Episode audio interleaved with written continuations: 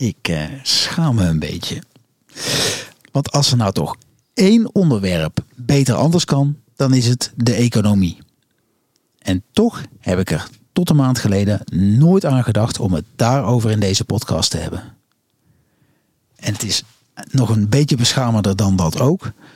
Want een van de nieuwe richtingen waar de economie naartoe zou kunnen bewegen, die ken ik ook al een behoorlijke tijd. En nog heb ik er niet aan gedacht. Maar goed, dat gaan we vandaag rechtzetten. Het onderwerp van vandaag is de betekeniseconomie. En de betekeniseconomie is erop gericht om de samenleving gewetensvoller, gemeenschappelijker, duurzamer en leefbaarder te maken. Ik praat hierover vandaag met een van de aanjagers van de betekeniseconomie. En zijn naam is Kai Morel. En het leuke is dat Kai en ik klasgenoten zijn geweest in de brugklas van de middelbare school. En sterker nog, we waren vrienden in die tijd. Ehm, nou, dat is later uh, verwaterd. Ehm, ik heb hem de hele tijd uh, niks van hem gehoord, heb ook nooit gesproken. Tot ik een jaar of 10, 12 geleden mijn allereerste artikel las over de betekeniseconomie. En ik was verkocht. Fantastisch. Um, dus keek ik wie het geschreven had. En nee joh. Kai Morel. Dus ik heb het contact opnieuw gelegd destijds. Nou, daarna hebben we veel contact gehouden. En vandaag zitten we tegenover elkaar om het over zijn uh, onderwerp, de betekeniseconomie, te hebben. Zoals altijd zullen we in de eerste 10 minuten drie concrete tips krijgen van Kai waarmee we aan de slag kunnen, jij en ik. En daarna is er nog volop ruimte om verder in te gaan op het onderwerp en op Kai zelf. Uh, ik zou zeggen, laten we snel het gesprek ingaan. Geniet ervan en doe wat je kunt.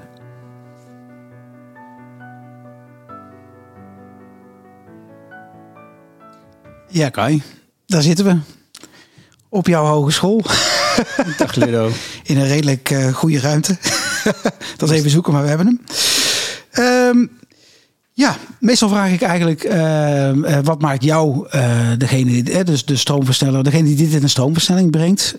maar ja, als je aanjager bent, is dat redelijk voor de hand liggend. misschien is het goed om even kort ehm, stil te staan bij wat de betekeniseconomie brengt aan ons, de mensen, ten opzichte van de huidige economie. Ja, goed, je zei het in je inleiding al mooi. Mm -hmm.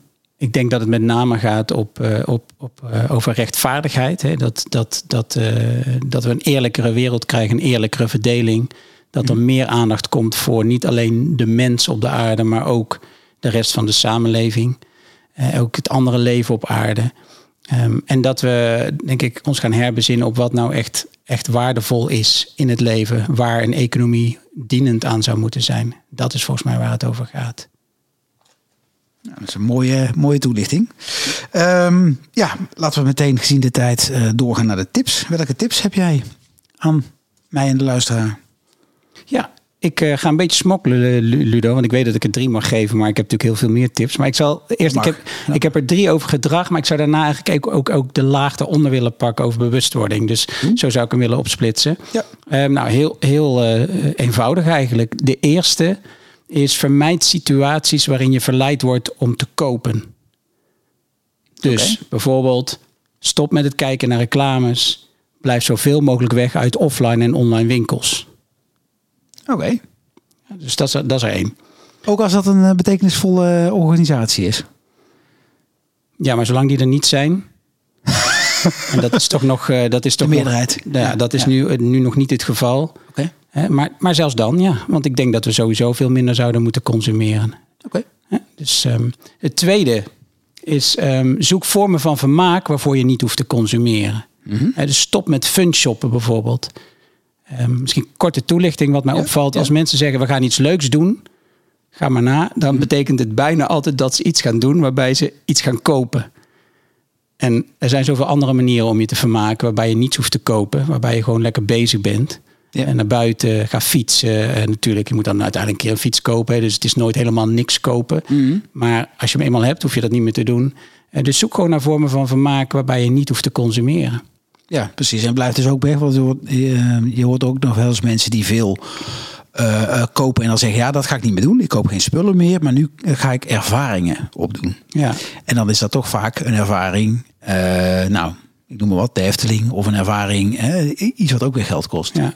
Ja, goed. Het, het feit dat het geld kost is, is, is natuurlijk eh, niet kan, per se het ja. probleem. Het gaat erom wat, wat, wat belast je met je consumptiegedrag. Ja. En een, een, een dagje naar het pretpark eh, is misschien wel minder belastend dan een dagje gaan shoppen. Dat denk, denk ik, weet ik niet precies. Als je alles gaat meerekenen, vind ik even ingewikkeld om, Ja, is eh, om te zeggen. Maar ik denk dat daar verschillen tussen zitten. En als je daar meer over weet, kun je bewuster kiezen om, eh, om vermaak te zoeken waarbij je gewoon minder belast. Hè, waarbij je minder sporen nalaat, om het zo te zeggen. Ja. ja. Ehm, En het is ook, je gaat ontdekken dat eh, heel veel dingen die je nu vermaak noemt, dat die eigenlijk dat er dingen zijn die veel leuker zijn. Hè? Samen spel spelen of zo, in plaats van eh, samen shoppen of zo. Dat, dat merk je elke keer weer. Ja. Hebben we tijdens corona ook gemerkt toen we niet konden shoppen. Dat we allerlei andere manieren vonden die eigenlijk heel waardevol waren. Ja. Maar dat vergeet je dan weer heel snel daarna. Dus dat, dat zou de tweede tip zijn. Tweede tip. Mooi. Stop met vermaak. Eh, als we stop met vermaak dat geld kost. Hè? Dat was Nou, nee, voor- vermaak dat consumptie. Dat, dat, gelu- consumptie, dat con- ja. Zoek dingen waarbij je niet per se iets hoeft te kopen. Ja. Ehm, ja. En de derde, en die zit meer op werkgebied. Stop met werken voor bedrijven die niet bijdragen aan een betere economie.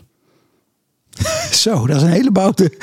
Ja, maar Oké. ik heb ze bewust natuurlijk een beetje scherp gemaakt. Ja, ja, maar in essentie zijn dit de taken die je zelf kunt doen. Hè, waar je gewoon een keuze in hebt. Ja. En als jij zegt, eh, als je vindt dat het anders moet, dan moeten we ons gedrag ook echt, echt anders maken, eh, eh, echt aanpassen. Ja, en dan betekent dat ook dat je nadenkt over voor wat voor bedrijf werk ik of wat voor organisatie en wat voor eh, goede en slechte eh, ehm, effecten hebben zij op de wereld. En als je dat dus belangrijk vindt, ja, dan ligt het voor de hand dat je Dan niet voor een bedrijf werkt wat, wat je niet goed vindt. En overigens gebeurt dat al veel, want er zijn veel mensen die die afweging maken. Soms pas na een tijd, Ja. hè, omdat ze tot inzicht zijn gekomen, hier wil ik niet meer aan bijdragen. Maar ook op voorhand steeds meer mensen die zeggen, ja, daar ga ik niet meer werken. ja. Of de positieve variant erop. Ik wil meer bijdragen. Wat is een bedrijf wat aansluit op wat ik Exact. belangrijk vind? Ik wil bijvoorbeeld misschien meer eh, dat er meer groen op de wereld komt. Laat ik hem bij een bedrijf gaan werken wat daar iets in doet. Ja, je kunt is terecht opmerken. hè. Je kunt, je kunt deze, ehm, al deze tips omdraaien naar de, naar de positieve variant, om het zo te zeggen. Maar ik, ik vind de huidige situatie rechtvaardigt dat gewoon nog niet. Ja. Omdat we nog niet in die omslag zitten. We zitten echt nog in de situatie dat we meer moeten stoppen met dingen doen dan beginnen met andere dingen, denk ik. Ja, ja. Oké, en dan even doorgaand daarop. Eh, want je zegt nu, hè, de, als het een bedrijf is nou, waarvan het evident is ehm, dat, het, dat het dingen doet waar je niet achter staat, stoppen. Aan de andere kant van het spectrum heb je een bedrijf wat 100% past met waar jij voor staat. Er zit een heel groot grijs gebied tussen.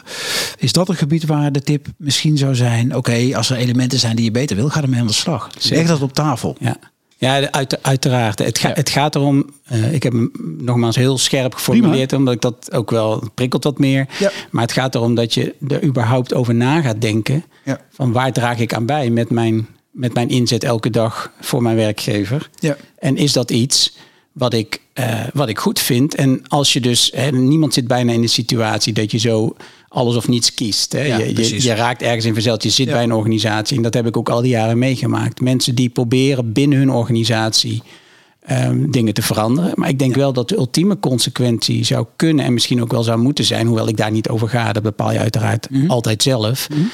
Om uiteindelijk te zeggen, ja, als ik het echt niet kan veranderen en het blijft doorgaan op een manier die ik voor mezelf niet meer kan verantwoorden, dan moet ik misschien toch echt wel stoppen op een gegeven moment. Maar het is bij alles, en dat vind ik nog Ja. wel belangrijk eh, in, voor de rest van het gesprek ook. Kijk, het is leuk om dingen wat zwart-wit neer te zetten, maar het is een heel genuanceerd verhaal. En dat wil Ja. ik ook, ook meteen nu benadrukken. Ja. Dat, dat die nuance, die, die begrijp ik heel goed. En, die, en die, daar sta ik ook voor. Alleen, soms vind ik het leuk om wat, eh, wat te prikkelen. Dus, prima punt hoor. Prima punt. Maar wel leuk. Ik eh, ga straks wat eh, recruiters in mijn eh, kennissenkring bellen. Dat ze morgen bij de bekendere vervuilers, Tata, Shell, noem maar op. Even mogen gaan werven na het luisteren van deze podcast. Ehm, goed. Maar je had ook nog een, een onderliggende zij. Die vind ik ook wel interessant. Ja, ja, want kijk, dit is heel erg op je gedrag. En het zijn hele Ja. Mm. vergaande dingen, dat realiseer ik me. Maar, maar fundamenteel. En het gaat mij om, om dat we fundamenteel zaken moeten veranderen. En niet een tikkie naar links, tikkie naar rechts. Omdat Ja. mijn overtuiging in ieder geval is dat dat niet voldoende is. Mhm. Ehm, wat ik daarnaast zou adviseren, eh, of als tip zou willen geven, is ga je echt verdiepen in, in hoe onze economie, de manier waarop we ons huishouden georganiseerd hebben, hoe dat uitwerkt in onze samenleving. Hè? Wat, wat, wat gebeurt er doordat we dingen zo georganiseerd hebben? Ehm, hoe werken dingen? Heb je daar, daar gaan we straks nog even bij stilstaan. Hè? Want je hebt een Ja. boek geschreven wat daar ook een beetje aan doet. Daar wil ik graag straks bij stilstaan. Maar kun je al een klein beetje een inkijk geven? Ja, als je, Bijvoorbeeld. als je ehm, een economisch systeem hebt wat ervan uitgaat dat eh, mensen vooral arbeidskapitaal zijn, hè, die moeten werken en daarmee geld verdienen en dan spullen kunnen kopen, ehm, dan ga je mensen ook zo aansturen. En dan ga je dus, als het economisch slecht gaat, ga je dus mensen, is werkgelegenheid een heel belangrijk thema geworden. Terwijl als je eh, op een andere manier in je inkomen zou kunnen voorzien, dan zou je misschien tegen mensen zeggen: ga niet werken, maar ga goede dingen doen voor de wereld, bijvoorbeeld. Ja, ja. Dus dat is Ja. een voorbeeld. We hebben een bepaalde invulling van de economie waarbij betaald werk heel centraal staat. Dan is dat een gevolg. En ik vind het van belang dat je begrijpt hoe het werkt, omdat je dan ook zin van onzin kunt onderscheiden. En ook doorkrijgt hoe bijvoorbeeld ons politieke beleid, hoe dat eh, heel erg nauw samenhangt met de heersende dominante ideeën over hoe onze economie werkt of zou moeten werken. En dat, Precies. dat ga je dan doorzien. Dat heb ik ook vaak gemerkt, want in mijn verhalen die ik houd, ook voor, voor studenten hier, maar ook eh, ja, eigenlijk overal. Ehm, ja, heb ik het daar ook over? Wat zijn nou de zaken die, die, hè, die eigenlijk niet kloppen, die, die we wel denken? Nou, daar gaan we het later Ja. nog over hebben. Inderdaad. Maar Ja. da- dat zou dus wel, ga je echt verdiepen zodat je begrijpt hoe het werkt. Ja. Ehm, en het is niet zo ingewikkeld. Maar dat betekent ook wat je nu zegt, dat op het moment, hè, waar, ehm, nou, ik denk dat we wel kunnen stellen dat op dit moment de oude eh, vorm van economie eh, eh, eh, bovenliggend is, hè, meer dominant is dan de betekeniseconomie. Hoewel de betekeniseconomie wel opkomend is, maar op het moment dat die omslag gemaakt wordt, betekeniseconomie, leidend zou worden, of een andere variant waarin het meer om waarde dan om geld gaat, zeg maar, ehm, dat dan ook de politiek andere keuzes gaat maken. Ja, Klopt hè? dat klopt. Dat kan niet anders. Want eh, uiteindelijk hangen politieke keuzes. Die bepalen ook hoe, Ja. hoe, hoe dingen in de samenleving georganiseerd worden en uitwerken. Waar besteed je bijvoorbeeld je geld aan? Hè? Ja. Als, je, als je gezondheidszorg en onderwijs ziet als kostenposten, Ja.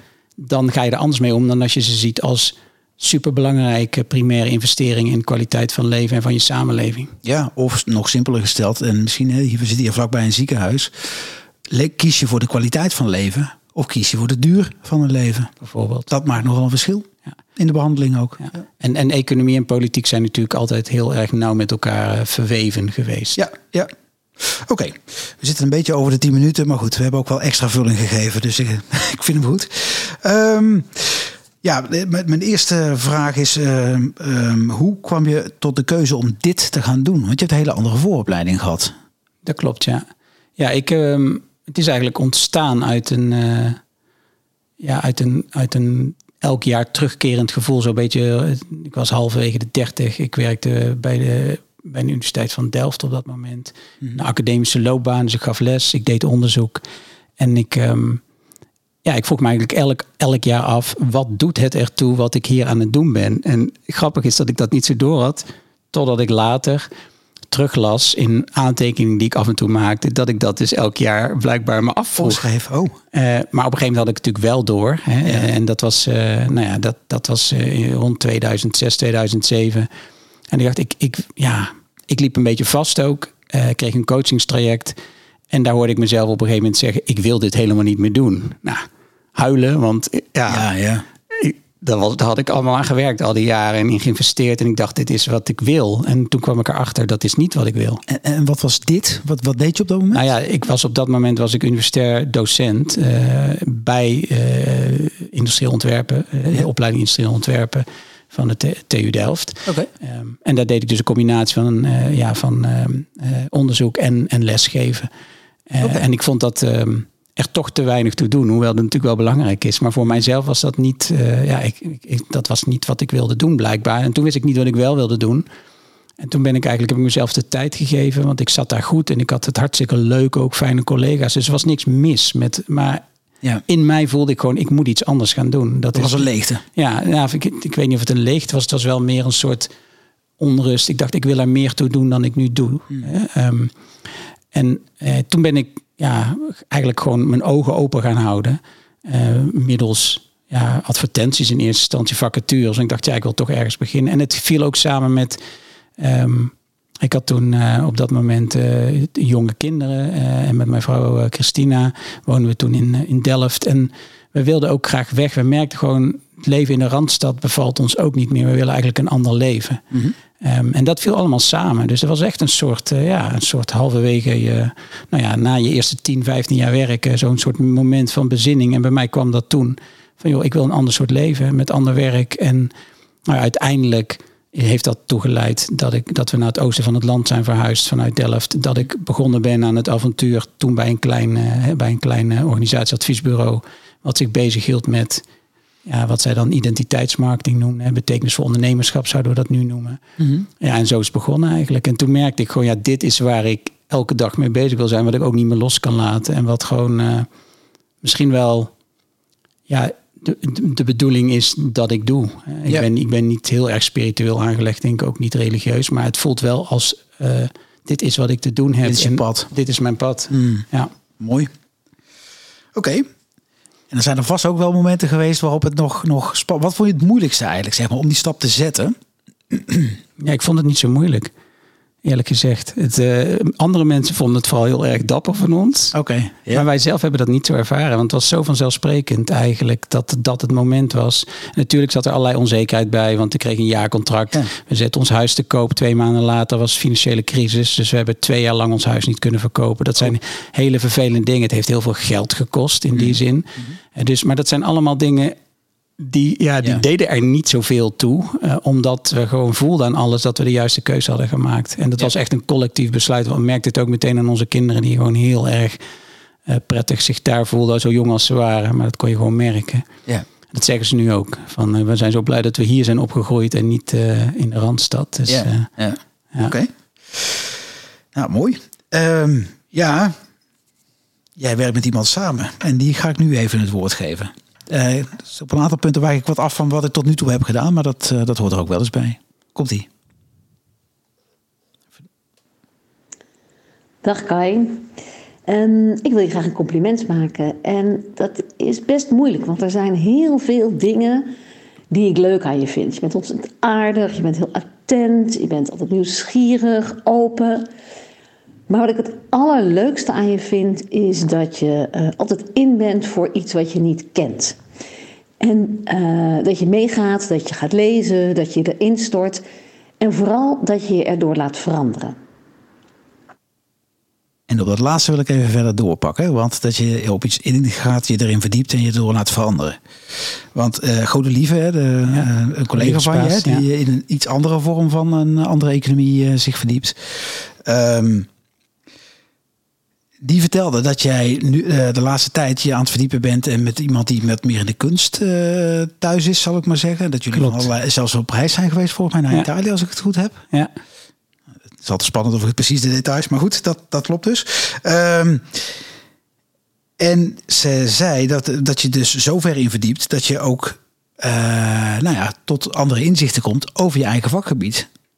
In hoeverre is dit een opmaat dat je misschien wel sommige stukken van uh, hoe je naar je eigen vakgebied kijkt, uh, moet gaan ontmantelen? Identiteitsmarketing bijvoorbeeld. Hoe gaat dat met die, met die kunst? Wat heeft het je gebracht tot nu toe?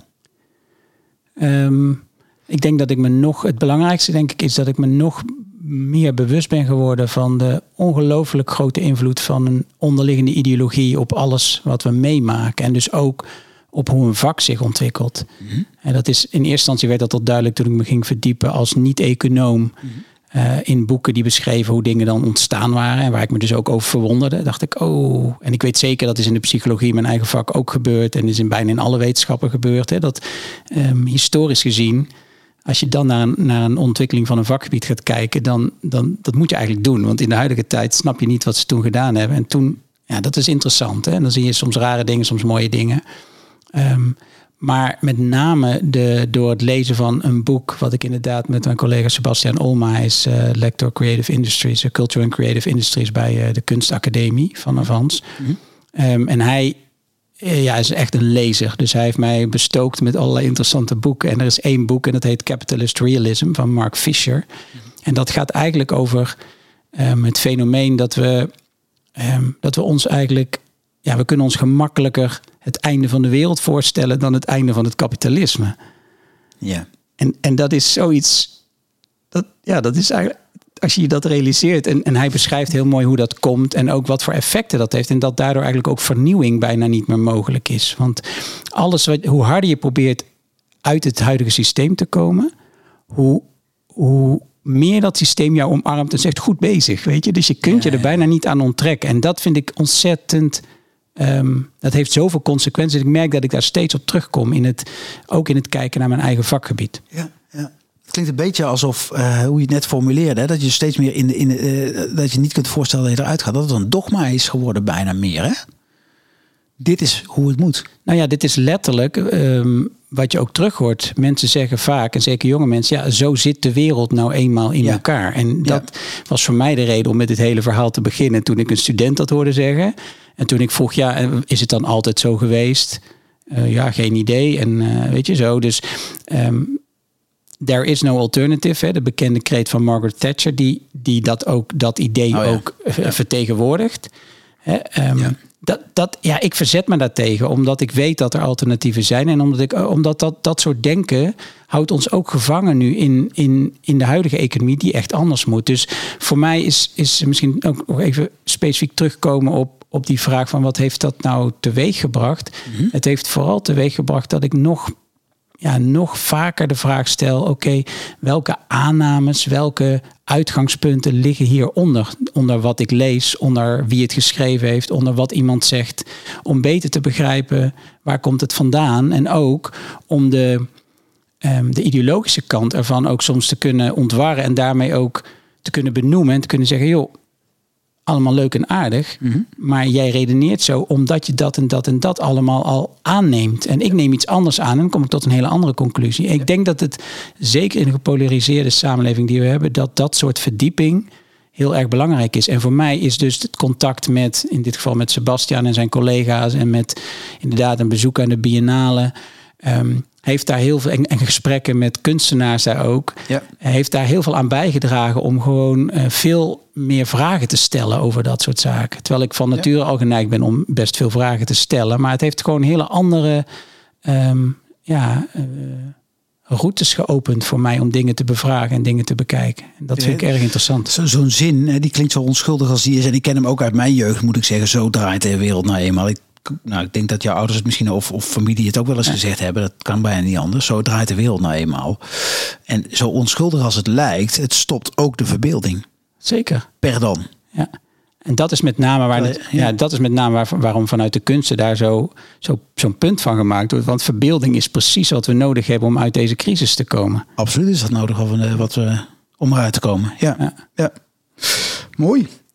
Ehm, ja, is misschien een mooi moment om eens even naar jou, eh, een van jouw boeken. Je hebt er, ik weet niet hoeveel, twee heb ik, eh, zag ik terug op, eh Ja. volgens mij water vier, maar Laten we zeggen, schrijft wel eens. Laten we zeggen twee.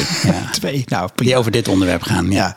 Ja, Ehm, nou, de, de laatste daarvan die had de mooie titel Tijd voor de betekeniseconomie. Nou, logisch. En dan met als tweede zin het verhaal over onze economie dat ze je nooit vertellen. ja. Zou je dat eens in een paar zinnen kunnen toelichten wat het verhaal is wat ze je nooit vertellen? Of de belangrijkste elementen eruit? Ja, nou, ik, ik denk het belangrijkste is dat, dat het, wat ze ons nooit vertellen, is dat dat verhaal, wat we economie noemen, het, dat dat een verhaal is wat 70, jaar geleden, wat 70 jaar oud is. Dat het in een hele andere tijd ontwikkeld is.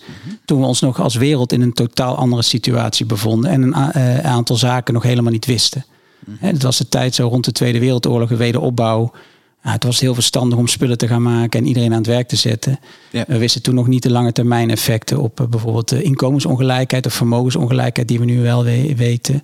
We wisten nog niet eh, dat de grondstoffen eindig waren. Er was toen, maar waren misschien wel mensen die erover nadachten, maar er was nog geen punt van zorg.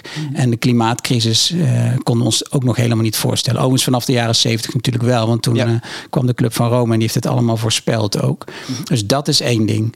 Ehm, het tweede is, wat ze je ook niet vertellen, is dat er een hele hoop uitgangspunten onder dat verhaal zitten die aantoonbaar ehm, onjuist zijn of op zijn minst eh, discutabel zijn. Kun je er een paar noemen? Ja, het, het idee van een mensbeeld waarin, hè, wat stelt dat mensen op zichzelf gerichte maximalisatoren zijn. Dat hebben economen zelf verzonnen omdat ze dat goed uitkomen. Omdat ze daarmee hun modellen en theorieën goed passend konden maken. Maar ze hebben zelf ook al toegegeven dat dat natuurlijk niet is Ja. zoals mensen echt zijn. En we zijn een beetje zo, maar we zijn ook heel erg anders. Maar het leest, nou, sterker nog, want nu nuanceer je hem nog een beetje, maar wat ik lees is dat het juist de, de dominante eh, gedragsfactor is dat je wel eh, sociaal bent. Wel, hè, dus niet zo economisch. Ja, maar, eh, zeker. Maar we, we moeten ook niet eh, naïef zijn. We hebben, we hebben allebei, de- we hebben echt ook hele Ja, ja. egoïstische kanten van Ja. ons. Maar we hebben ook hele sociale kanten. Daar gaat het hele boek van, eh, van Rutger Bregman, eh, De meeste mensen deugen, gaat daarover. Dat over dat mensbeeld. Maar dat is er eentje. Maar ook zoiets als dat hebzucht goed zou zijn bijvoorbeeld. Hè. Dat zijn aannames. Hmm. Die, zijn, die komen ergens vandaan en die hebben een achtergrond, maar die zijn discutabel. En, en nou, in mijn boekje beschrijf ik er een hele hoop, dus ik ga ze nu niet allemaal door, Nee, doorlopen. Hè. Ehm, en wat ik net al zei, dat het verhaal ook gepresenteerd wordt alsof er geen alternatief is. Dat vind ik ook. Eh, dat vertellen ze je ook niet. Hè? Dat Nee, er heel ja, allerlei alternatieven Ze zeggen eigenlijk Ja. dit is het. En hier moet je het mee doen. En ook al is er wat op aan te merken. Al het andere is nog veel slechter. En daarbij wordt ook gewoon niet geschuwd om het andere meteen als een soort tirannie. Lees het voormalige communisme af te schilderen. Alsof Hmm. dat het enige alternatief zou zijn op het, op het huidige economische systeem. Nou, dat zijn denk ik ehm, de belangrijkste. En als laatste ja, dat we ooit ook heel anders over economie gedacht hebben. Dus dat, dat we voor dit hadden we een verhaal waarin bijvoorbeeld de commons, gemeenschappelijk bezit, heel erg centraal stond en heel lang goed gefunctioneerd hebben. Dus dat zijn voor mij de zaken die ons niet verteld worden. Ja. Maar als je die eenmaal weet, ga je er echt anders naar kijken. Ja, misschien is het goed om de commons even toe te lichten. Want de commons is een term die Ja. voor veel mensen wat vaag is, denk ik. Maar daar bedoel je mee dingen als coöperaties, waarin je de, de, de, de gevaren, hè, de, oorspronkelijk waren de verzekeringen een soort bij elkaar gelegd potje buffer. Voor als, hè, eigenlijk in de oorsprong zelfs, als een boerderij in de flik vloog door een, een blikseminslag. Hè. In een dorp, eens in de zoveel jaar was één iemand eh, de sigaar. Maar door allemaal geld bij elkaar te leggen, kost het iedereen een beetje. Maar werd het probleem ondervangen. Dat is een beetje wat de coöperatieve gedachte is. Dat is hè? een coöperatieve gedachte. De, Ja. de commons, Commons is nog iets anders. Ja, het is, ouder. En wij noemen dat in, in, in Nederlands een meent. Ja. Eh, en dat is eigenlijk iets wat gemeenschappelijk bezit is. Het is van niemand, het is van iedereen. En eh, ja, het meest bekend is grond, die je met elkaar beheert. Hè. Dus Ja. eh, grond waar je gezamenlijk bijvoorbeeld je vee op laat grazen. Ja. Ehm, en dat doet ze op een manier zodat het in balans blijft. Dus niet te veel vee, niet te weinig. Hè, Ja. Zodat iedereen ervan kan leven, maar dat het de grond ook niet overbegraasd raakt bijvoorbeeld. Ja. Nou, en zo hebben we allerlei dingen als commons georganiseerd. We hebben, we hebben ehm, ehm, eh, ja, eigenlijk alles wat je maar met elkaar kunt organiseren, kun je doen op basis van particulier bezit of op basis van het is van ons allemaal. Hè. Eh, schone lucht is een common bijvoorbeeld. Ja, Hè. ja. Dat is een hele bekende ook. Maar dat is een interessante, want ehm, er is op dit moment natuurlijk, eh, nou, je kunt geen krant openslaan of het gaat over energiearmoede. Ja. En die hebben gere- eh, georganiseerd, inmiddels in ieder geval, op een niet-common manier. Maar je zou er ook voor kunnen kiezen om het op een wel-common manier te gaan organiseren. ja.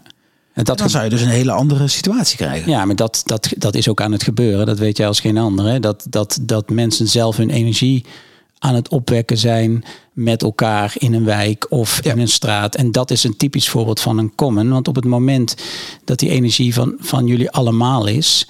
eh, en dan krijg je heel andere ideeën ook over bezit en over eigenaarschap. En eh, een kenmerkend van commons is dat dat je heel anders naar eigenaarschap kijkt. Maar het vraagt ook een verantwoordelijkheid. Eh, Eleanor Ostrom, dat is een Nobelprijswinnaar economie, die heeft jarenlang onderzoek gedaan naar wat zijn nou de voorwaarden waaronder zo'n common kan functioneren. Nou, er zijn er een hele hoop, maar een, eh, ja, voor mij is de essentie ervan dat je mensen ook tot de orde roept die, die proberen die common voor eigen gewin te gebruiken. Ja, en, en dat is precies wat er gebeurd is in het verleden, waardoor we nu die commons vaak niet meer hebben. Eh, wat er is gebeurd, wat er niet is gebeurd. Dat er niet op aangesproken is, bedoel je? Ja, precies. Ja, en precies. dat mensen er misbruik van zijn gaan maken Ja, voor eigen gewin. dat gebeurde, ja, precies. Dat, hè, en dat noemen ze de tragedy of the commons. Dat was een hele mooie theorie waarom... ehm, en waaruit zou blijken dat het onmogelijk was om zo'n systeem in stand te houden. Want uiteindelijk zou er altijd iemand zijn die net wat meer wilde. En dat was nou eenmaal door de menselijke aard. Nou, zo, Ja, dat- precies. En daar was dan weer een verhaal onder. Hè? De- Precies. Zin wat ze niet vertellen. Ik ga er even vanuit dat mensen allemaal zo zijn. Terwijl, ja. exact. Oké. Oké. Ehm, ja. Eh, ik heb nog een, een andere vraag. En die ga ik. Die, die, ehm, dat weet jij ook nog. Er is in het voorjaar volgens mij was er een moment dat wij met elkaar belden. Ik weet nog waar ik stond in mijn woonkamer. En toen vertelde jij over een voorval wat je had meegemaakt in, uh, toen jij uh, nou, een keer een, een, gesprek had met studenten die Ja. betekenis-economie studeren. En die stelden de vraag, hè, dat ging over hoe de stand van de wereld en eh, nou ja, eh, wat er allemaal dreigt te gaan gebeuren. En je mag me corrigeren als ik het niet helemaal juist formuleer, maar iets in de trant. ehm, maar, maar ik weet niet of ze meneer Maar- tegen zei, ja, maar, zei- meneer, denkt u dat het nog goed komt? denkt, ja, zijn we niet te laat? Toch? Zoiets, Ja. iets in die trant. Ze vroegen letterlijk, denkt u dat het nog goed komt? denkt u dat het nog goed komt met de wereld? Ja. Ja. En toen zei je? En toen zei ik, ja, dat weet ik niet. Dat, dat is mijn eerlijke antwoord. Hè. Ik, ik denk dat een van de... We hebben de neiging om altijd mensen te gerust te willen stellen. En dat is natuurlijk ook belangrijk. Ehm, en kort geleden heeft eh, nou, collega Kees Klomp samen met eh, de voorzitter of een van de, de leden van het CVB van Rotterdam hebben ze ook een artikel geschreven dat ze eigenlijk vinden dat wij onze studenten voor de gek houden door te doen alsof het allemaal wel goed komt. Hè. Wij vertellen sprookjes, letterlijk is een beetje de, de gedachte, door te sussen. Ehm, en ik, ik deel dat. Ik denk dat wij dat doen en ik denk ook dat dat ook belangrijk is. Ehm, maar ik heb tegen hun toen gezegd, ik maak me wel ernstige zorgen. Ik denk dat wij op Tegen korte- die student, hè, Ja, bedoel je dan? ja. Ja, ja. Ik, maak, ik maak me ernstige zorgen toen ze dat zeiden. Ik maak me ernstige zorgen. ehm, want dat is wat ik op basis van alle wetenschappelijke inzichten die ik ken en die ik serieus neem. Dat is de enige conclusie die ik kan trekken. Ehm, het zou mee kunnen vallen. Maar dan moeten we er wel met elkaar voor gaan staan. En ik zei, en hoe dan ook, weet je, zolang we er zijn, kunnen we dingen doen. En dat is ook mijn eigen houding. ja, ik ben soms ook somber daarover. Maar tegelijkertijd denk ik, ja, het enige alternatief is niks doen. En dat is sowieso niet goed. Dus laten we benoemen dat het zorgelijk is. Laten we niet sprookjes vertellen waardoor we juist niet in actie komen. Omdat mensen dan eh, eh, denken weer gerustgesteld achterover leunen, om het zo te zeggen. Maar laten we gewoon mensen aan de hand nemen, naast hen gaan staan en zeggen, joh, we gaan, we gaan samen doen wat we kunnen. En dan kijken we ja, of het genoeg is of Ja, wat het dan ja, brengt. Hè? ja. Dat is het enige ook wat we kunnen doen volgens mij. Maar eigenlijk is ook, doe, doe wat je kunt. Kijk wat je kunt doen en, en doe dat. Ja, Ja. uiteraard. Want, Ja. want ik, ik begrijp ook, ik laat ook altijd een plaatje zien in, in mijn verhaal als ik dit vertel. Want ik weet dat het heel veel eh, verschillende reacties losmaakt. Hè. En vooral de neiging om je kop in het zand te steken omdat het te confronterend is, die heb ik zelf ook. Of om de neiging eh, om te denken, ja, maar ik, dit is niet, ik kan hier niks aan doen. Wie ben ik nou als, ene, hè, als eenling om hier iets aan te doen? Ik doe al wat in mijn consumptie, maar dat is toch niet genoeg. En al dat soort reacties. En wat ik altijd benadruk is dat dat volstrekt goede en normale reacties zijn. Eh, maar dat de enige reactie die ons echt verder helpt, is daadwerkelijk handen uit de mouw en doen wat je kunt. Ja. Ook al voelt dat soms totaal nutteloos en geen enkele zin hebbend, het, het- meer kunnen we niet doen. En ik denk toch dat het zin heeft daardoor, omdat dat ons perspectief geeft op ja, handelingsperspectief geeft. Ja. En de vraag of het gaat helpen is eigenlijk niet eens zo relevant. Want niks doen helpt sowieso niet. Het is Ja. het omdraaien voor mij. Ja. Maar ik moet zeggen dat ik me daardoor wel realiseerde ja, dat het ook heftig is om hierover te hebben. Ik, ik voel dat vaak ook. Want ik denk, ja, wat nemen die jonge mensen mee? Hoe gaan zij naar huis? Weet je, wat als iemand door, door mijn verhaal net denkt, nou, nu zie ik het echt niet meer zitten. En zichzelf iets aandoet. Dat heb ik me gerealiseerd. En, en, en dat, ja, dat ben ik soms ook een beetje bang voor. Maar ik, aan de andere kant denk ik, ik, ik geloof niet, uiteindelijk geloof ik niet dat we wie dan ook verder helpen door sprookjes te blijven vertellen dat, precies. het, dat het wel goed komt. Dat, daar geloof ik niet in. En dat is soms wel heel confronterend en lastig. Nou, en ehm, ja, de reden. Kijk, ik weet nog dat wij het erover hadden. Hè, dat, eh, het feit dat ik precies weet. Ik weet nog hoe het licht binnenviel in mijn kamer. Dat geeft iets aan over de, hoe, hoe het mij raakt. Want ik, ja, ik ben zelf vader van, een, van in ieder geval een zoon die dicht bij de leeftijd van jouw studenten zit. Ehm, en het was voor mij ook een doorbraak om te denken, weet je, ik, ik zou graag met, en dat gaat ook gebeuren, dat weet je. De, we hebben samen gekeken wie van die studenten die die vraag stelden. ehm, en die gaat binnenkort ook in de, in de podcast komen. Eh, want daar, en dan ga ik ook zeker kijken wat daar, eh, hoe dat daar geland is. Ja. Maar de, de essentie is wel dat, we, dat je het gewoon ziet waar. Ik denk dat we, dat we het monster wel in de bek te kijken hebben. Ehm, allemaal. En allemaal een inzet hebben te maken. Maar ook met elkaar samen te doen. Ja, en, en tegelijkertijd ook af en toe jezelf in bescherming nemen, kop in het zand. En, Ja. hè, want je- kunt er niet de hele tijd volle bak eh, het, het, het monster in de bek kijken, zoals jij zegt. Want dat is gewoon te, te heftig. Dat kunnen wij denk ik ook gewoon niet aan. Mm. Maar dat, dat is, levert gewoon te veel zorg en stress op, denk ik. Ja, ja. Mooi. Ehm, ja, dan, dan was er... Ja, ik ga weer het woord eh, aan uh, wederom Grote Lieve uh, geven. Die had nog een vraag aan jou. Kai, ik heb een vraag voor je. Uh, als ik jou hoor praten over de betekeniseconomie, dan klinkt het altijd zo super eenvoudig. Je moet gewoon doen wat goed is. En eigenlijk weet iedereen diep van binnen wat dat is. Um, in de praktijk blijkt dat eigenlijk best wel heel erg moeilijk. En ik ben benieuwd wat jij nou de grootste hobbel of de grootste moeilijkheid uh, vindt, zelf in jouw leven, uh, om echt die betekeniseconomie in de werkelijkheid te realiseren. En ook graag wat je daaraan zou willen doen of wat je daaraan probeert te doen. Zo. Ja. Dat is een goede uitbesteding van de vraag. Zeker. Ja, nou laat ik beginnen met dat ik oprecht denk dat het ook niet zo ingewikkeld is. Het is niet zo ingewikkeld om te weten wat het goede is om te doen. Dat weten mensen namelijk heel goed, is mijn overtuiging. Mensen weten vooral heel goed als ze iets doen wat eigenlijk niet deugt. Daar ben ik echt van overtuigd. Dus daar begint het wel voor mij. Um, en dat merk je ook terug uh, als je met mensen spreekt. Um, dat geeft wel blijk van veel vertrouwen hè? In de mensen. Ja, maar bij dat, heb ik ook. Ik heb echt. Ja. Een, ik, ik ben, ik ben van de. Van, uh, ik, ik kies er ook voor, maar ik ben er ook van overtuigd. Dit is mijn eigen ervaring ook. Dat de meeste mensen deugen. Ja. Niet iedereen en niet altijd. Allemaal in al die nuanceringen, maar de meeste mensen deugen. En ik heb zo altijd geleefd met dat uitgangspunt. En dat heeft me eigenlijk. Het is eigenlijk continu bevestigd dat dat zo is. Um, wat mij daar het meest in hindert, ja, voor mijzelf niet zoveel, eerlijk gezegd. Um,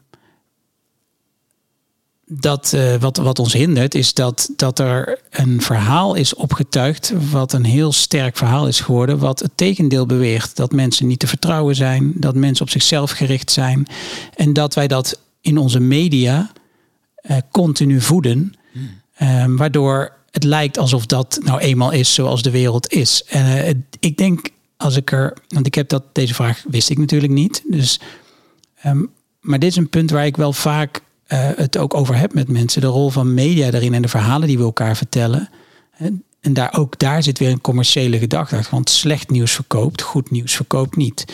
Um, waarmee we, en daar is ook veel onderzoek naar gedaan in mediastudies, dat blijkt dat we gewoon een vertekend beeld van de wereld krijgen. Een veel negatiever beeld van de wereld krijgen. Omdat we zo vaak negatieve dingen lezen en op het journaal horen. Um, dan daadwerkelijk gerechtvaardigd is. Dus ik denk dat wat ons het meeste dwars zit om die betekeniseconomie te realiseren, is dat we um, het verhaal, de, de narratief in de samenleving um, moeten gaan veranderen. En zolang we dat niet doen, hebben mensen niet het vertrouwen dat het ook best wel eenvoudig is. Omdat ze toch altijd weer die voorbeelden horen van ja, maar die heeft iets slechts gedaan en daar is oorlog. En dat is ook zo. Um, ik, ik, denk dat daar wel veel zit uh, uiteindelijk. En dat ons dat heel erg dwars zit.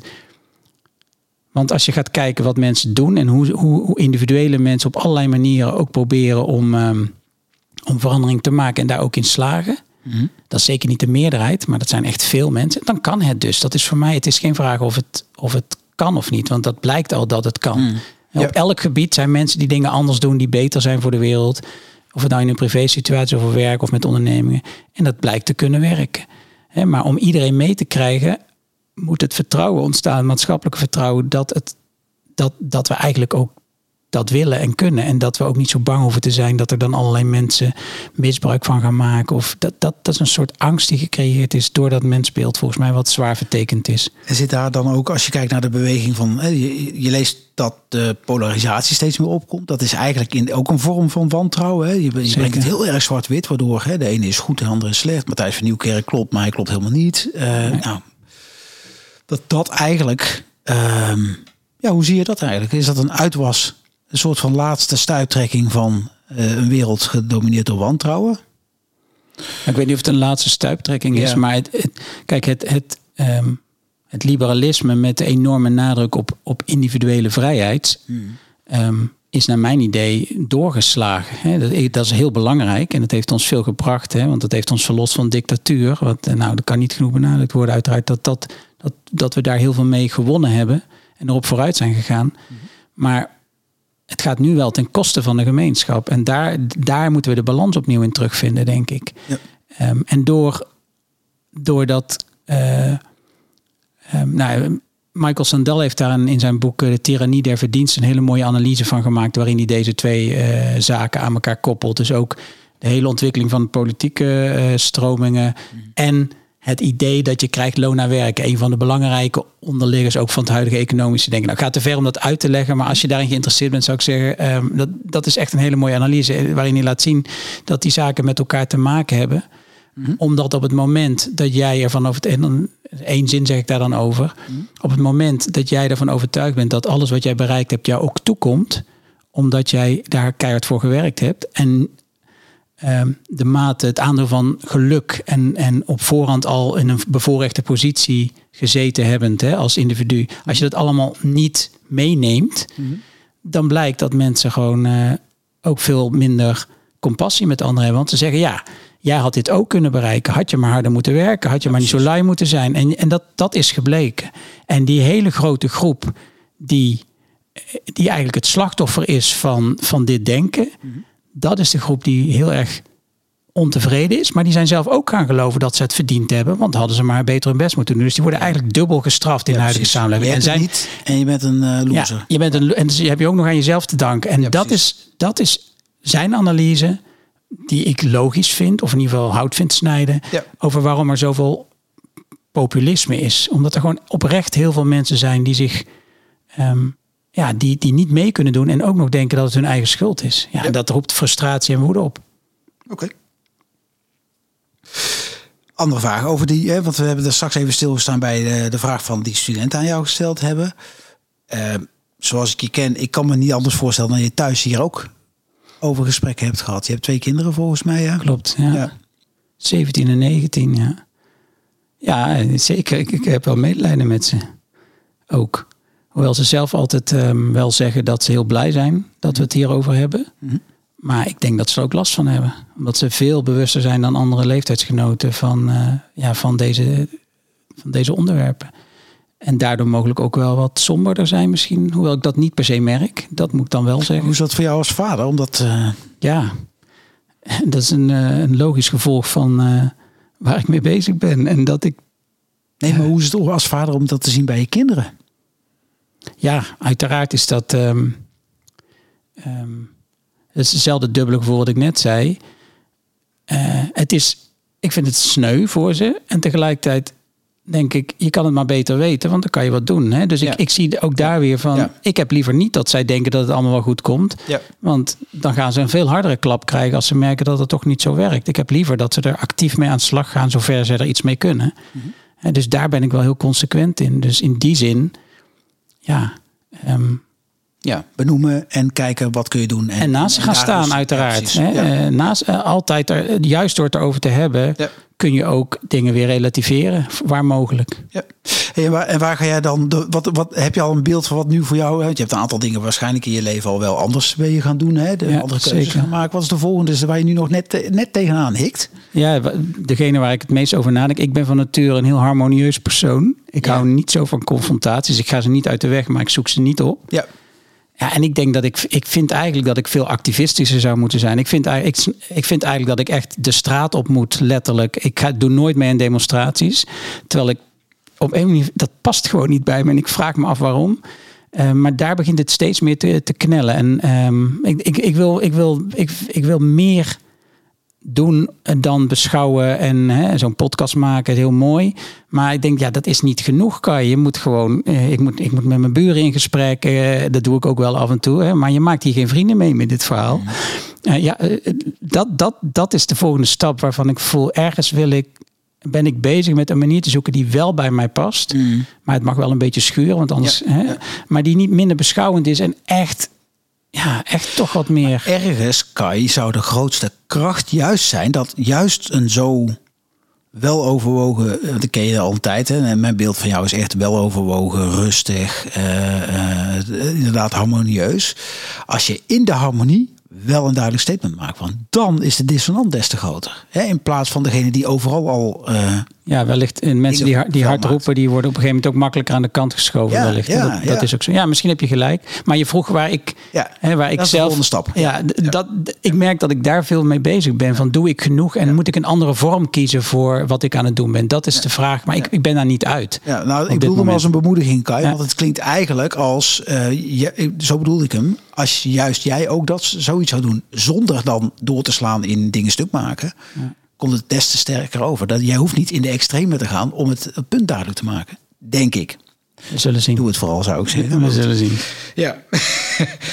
Laatste vraag. Ehm, muziek. We hebben een, eh, een eh, playlist ook. eh, waar iedere gast een nummer op kan zetten. En jij hebt er ook een op gezet. En je mag zelf zeggen welke dat is en waarom.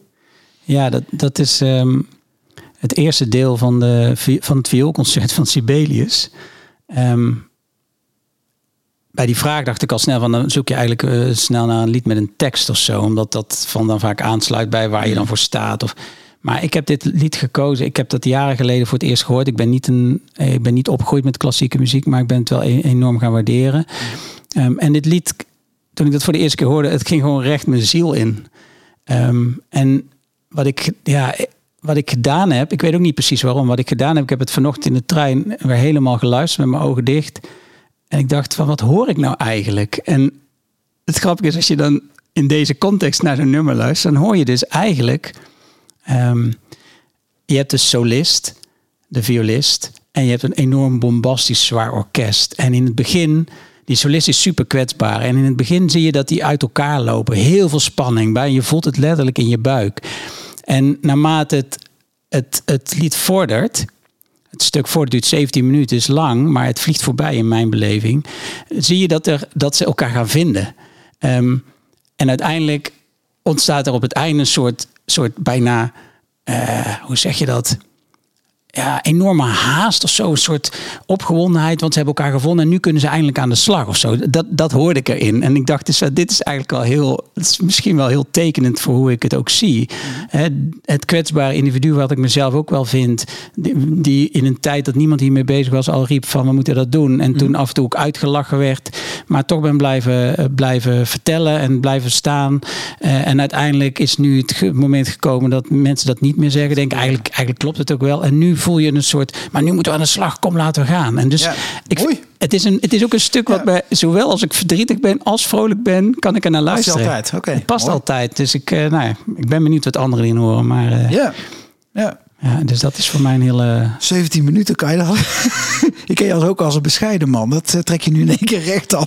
Je bent net zo lang als vijf andere nummers. Ja, op, maar dat Ludo, ik zou, willen, ik, ik zou willen tegen je willen brengen dat in de gehaastheid van onze samenleving, dat 17 minuten gewoon met je ogen naar muziek luisteren, dat het heel helend is ook voor mensen. goed. Ja, mooie, mooie aanvulling. Kai, dankjewel. Ik ga, eh, eh, je, nou ja, je had al wat meer mensen aangereikt. Dus ik ga de mensen die ik gesproken heb allemaal even eh eh, iets Maar, maar daar ook nog één ding. Ik heb ook nog een vraag voor de luisteraars eigenlijk. Oh. Ik hoop dat ze mij kunnen helpen met iets. Dus ik hoop dat ik daar al nog even ruimte voor mag Ja, nemen dadelijk. Zeker. Nu? Wat jij wil. Doe nu maar. Ja. Ja. En Waar, waar ik me steeds. ehm, ehm, de vraag die ik me steeds stel is: hoe komen mensen nou, wanneer komen mensen nou in actie? En ik, ik merk dat ik daar twee verschillende dingen in, in, in, in hoor. Ene is. Als mensen heel erg bang gemaakt worden, als eh, rampen nabij zijn, dan weten we dat soms mensen tot be- bewonderenswaardige dingen, kijk naar oorlogen, hè, bewonderenswaardige dingen in staat. zijn. komen ze juist in actie. Dus soms denk ik, we moeten mensen nog veel banger maken, want dan gaan we eindelijk veranderen. Aan de andere kant, en ik heb een beetje zitten zoeken op internet en in de wetenschappelijke literatuur, maar niet echt een oplossing kunnen vinden, lijkt het toch ook op dat je mensen vooral perspectief moet geven en niet te bang moet maken. En mijn vraag is eigenlijk, wie weet dit? Is, wie kan mij helpen om daar meer inzicht in te krijgen als je, als je daar ehm, bronnen van hebt of zo, of als je die vraag ook hebt. Ik zou dat wel willen uitzoeken. Van wat is nou nodig? Moeten we mensen juist banger maken of juist meer geruststellen? Want als je mensen geruststelt, dan heb je ook kans dat ze denken: oh, het komt allemaal goed. En juist in de inactie schieten. Dus ik, dat puzzelt mij en ik ben er niet uit. Ik heb het ook niet kunnen vinden. Dus ik hoop Ja. dat iemand me kan helpen daarmee. Mooi, mooi.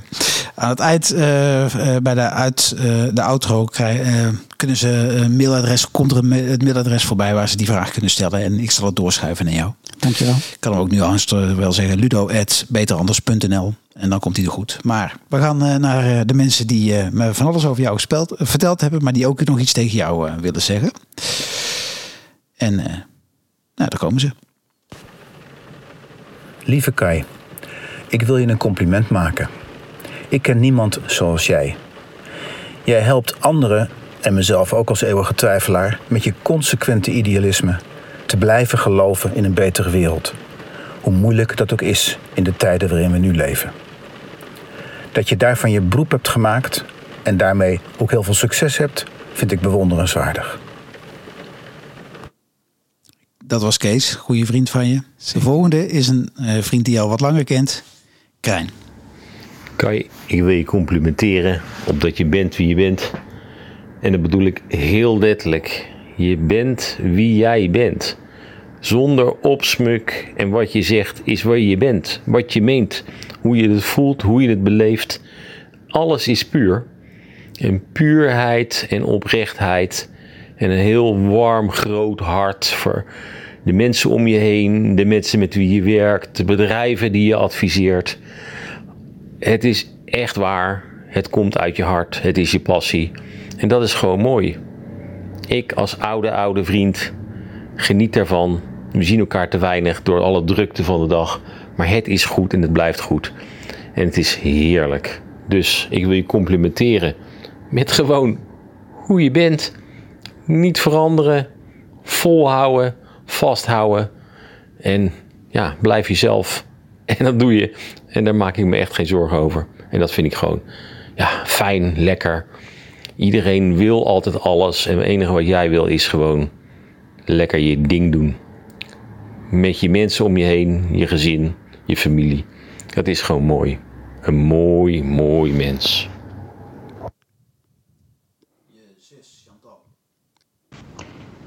Kai, wat ik in jou bewonder is dat je altijd trouw aan jezelf blijft. Als je voor lastige keuzes staat, dan blijf je jezelf afvragen: waar geloof ik in? Waar sta ik voor? Uh, wie ben ik? Of uh, misschien wie wil ik zijn? En dan maak je een authentieke keuze en je verbindt daar de nodige consequenties aan. En je voert je besluit ook nog uit. Dat is niet altijd makkelijk. Ik vind het echt knap. En een uh, verrassende, je moeder. Hallo Kai.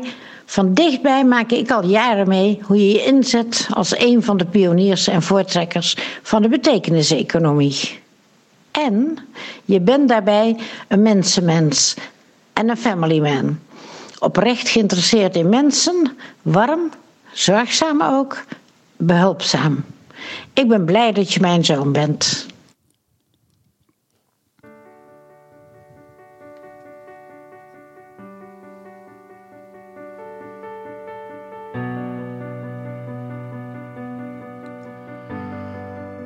Ja, en daarmee eindigt ook deze aflevering van de Beter Anders podcast.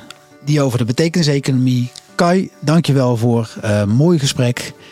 Uh, ja, ik denk, uh, luisteraar, dat wij hier voldoende mee uit de voeten kunnen. Dat zou ik je ook willen vragen om dat vooral te doen. Mocht het nou zo zijn dat je nog vragen hebt aan Kai of aan mij, stuur dan een mail naar ludo.beteranders.nl. Dan reageer ik erop. mocht het zo zijn dat je denkt, ik weet nog wel iemand die bij jou aan tafel zou moeten schrijven, want die heeft ook een goed verhaal hoe het beter anders kan. Doe dan hetzelfde. Stuur een mail naar ludo.beteranders.nl. Dan wens ik je een fijne dag en tot de volgende keer.